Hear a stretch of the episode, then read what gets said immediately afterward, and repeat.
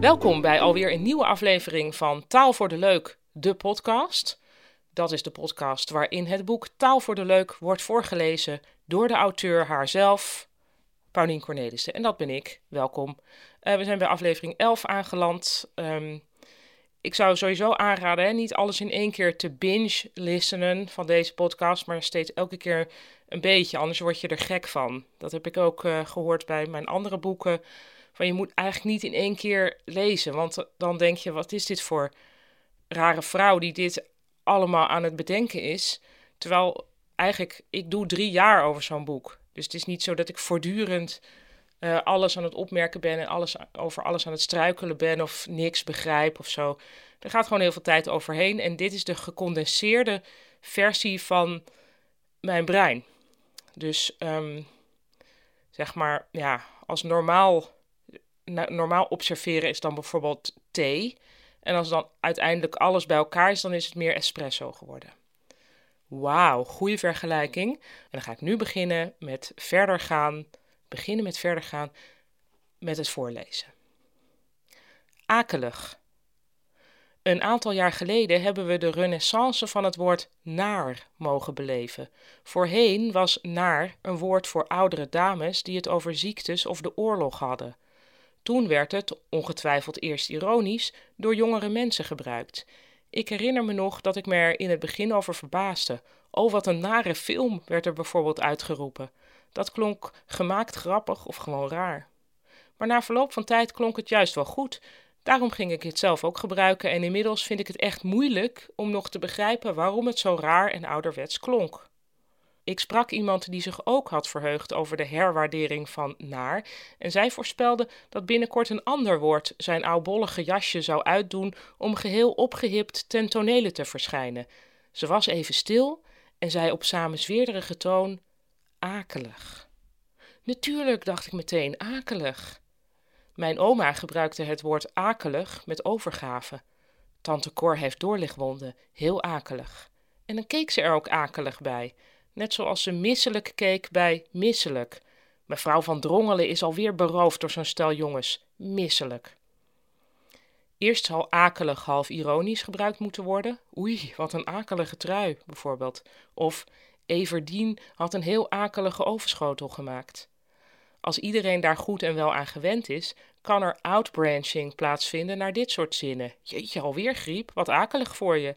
En als niemand meer weet dat akelig ooit een woord was dat alleen door geparfumeerde oude dametjes in een hoog laagbed werd gebruikt, dan is het weer helemaal normaal. Dan kunnen we zeggen: die bombardementen zijn voor de mensen in Syrië natuurlijk heel erg akelig. Nu klinkt dat nog, vind ik totaal respectloos, maar niet meer voor lang even knuffelen. Tijdens de Olympische Spelen in Sochi werd Irene Wust geknuffeld door Poetin. Ze knuffelde terug, want wat moet je op zo'n moment? Ze zal het ook wel een engert vinden, maar een knuffel is nu eenmaal nog moeilijker te ontwijken dan een klap. Wegstappen? De enthousiaste knuffelaar heeft daar geen boodschap aan. Afwerende gebaren maken? De knuffelaar denkt dat je hem beschuldigt van poging tot aanranding. Het enige wat je zonder problemen kunt doen is een medisch probleem verzinnen. Besmettelijke huidziekte, gekneusde ribben. Maar probeer dat maar eens in het Russisch. Er zijn knuffelaars die aankondigen wat ze gaan doen door te roepen: even knuffelen. Ik breng hier in herinnering de persoon Ruud van Big Brother, begin deze eeuw. Of ook eng, even knuffen. Waar een zoen nog wel tot een luchtkus kan worden omgevormd, is een knuffel toch bijna altijd full body contact. In Amerika wordt ook geknuffeld in de vorm van een hug, maar de hug is geformaliseerd tot iets wat niet overdreven intiem hoeft te zijn.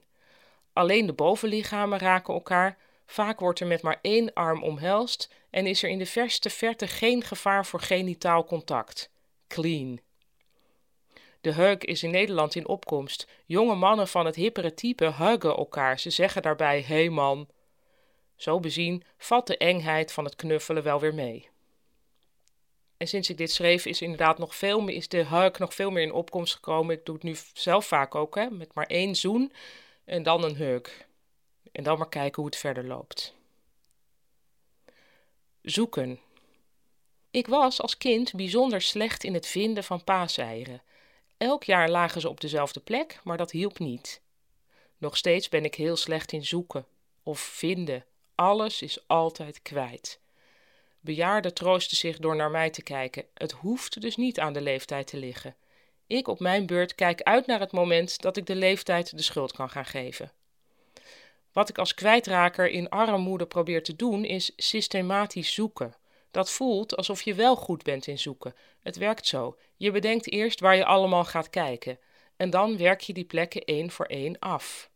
Voor mensen die goed kunnen zoeken is dit gesneden koek, maar tot die soort behoor ik dus niet. Bij het volgen van deze methode gebeurt er iets raars in mijn hoofd. Stel, ik heb bedacht dat ik ga kijken op plaatsen A, B en C en ik vind het verloren object al op plaats A. Dan heb ik de neiging om toch, voor de zekerheid, ook nog even op plek B en C te kijken. Alsof het daar ook nog best zou kunnen liggen, zelfs al heb ik het ding al in mijn handen. Blijkbaar ben ik zo trots dat ik een keer een systeem volg dat ik er meteen overdreven trouw aan ben. Het enige voordeel van slecht kunnen zoeken is dat je regelmatig verrast wordt door een verdwaald paasei dat met kerst ineens opduikt. Anders nog iets.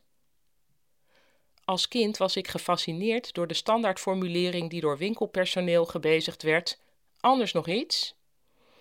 Je zou eerder een zinsnede verwachten als verder nog iets of kan ik nog iets voor u doen? Maar dat was niet de bron van mijn fascinatie. Het ging erom dat ik altijd verstond Annie Schmid. Ik wist niet waarom er Annie Schmid gezegd werd, maar ik accepteerde het wel, want bijna alles in mijn jeugd ging over Annie Schmid.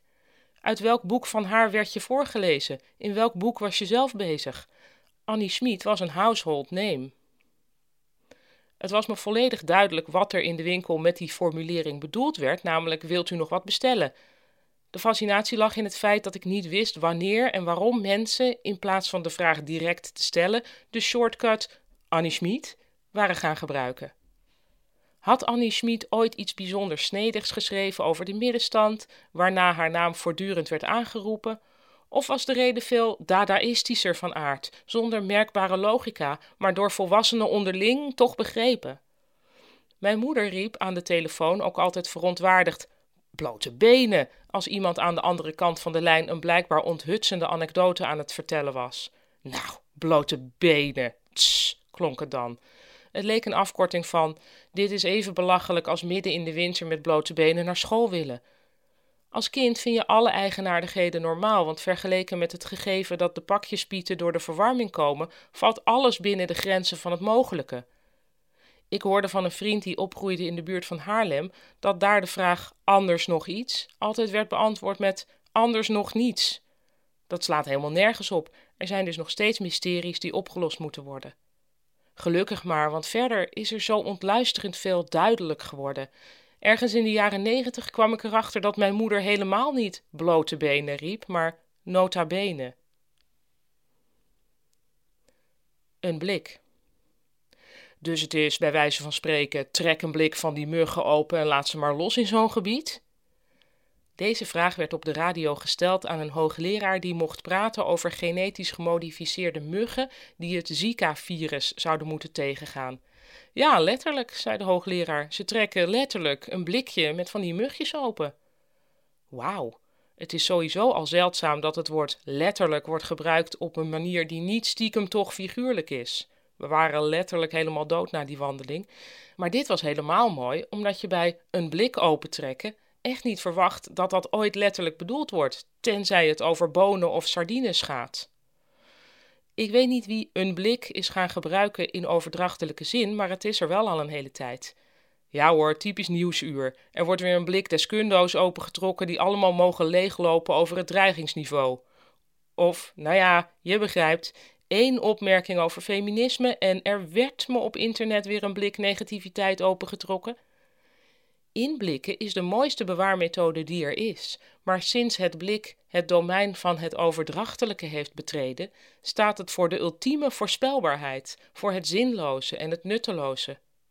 Er werd voor de Sinterklaasintocht weer een blik agenten opengetrokken, maar denk maar niet dat dat iets uithaalde. Waarom wordt juist het blik geassocieerd met iets negatiefs? We zeggen nooit: Er was weer een bos agenten losgelaten, of een zak secretaresses, of een mut kleuters. Op de radio was iedereen inmiddels bekomen van het ongelofelijke feit dat er letterlijk een blik muggen werd opengetrokken. En toen zei de hoogleraar, of in ieder geval een kooitje. Hé, jammer. Dus toch niet letterlijk een blik. Gelukkig was het allemaal wel weer poëtisch genoeg om de rest van het gesprek weg te dromen rondom de kwestie: hoe ziet dat er dan uit, zo'n kooitje voor gemodificeerde mugjes? Zo, dit was aflevering 11 van de Taal voor de Leuk podcast.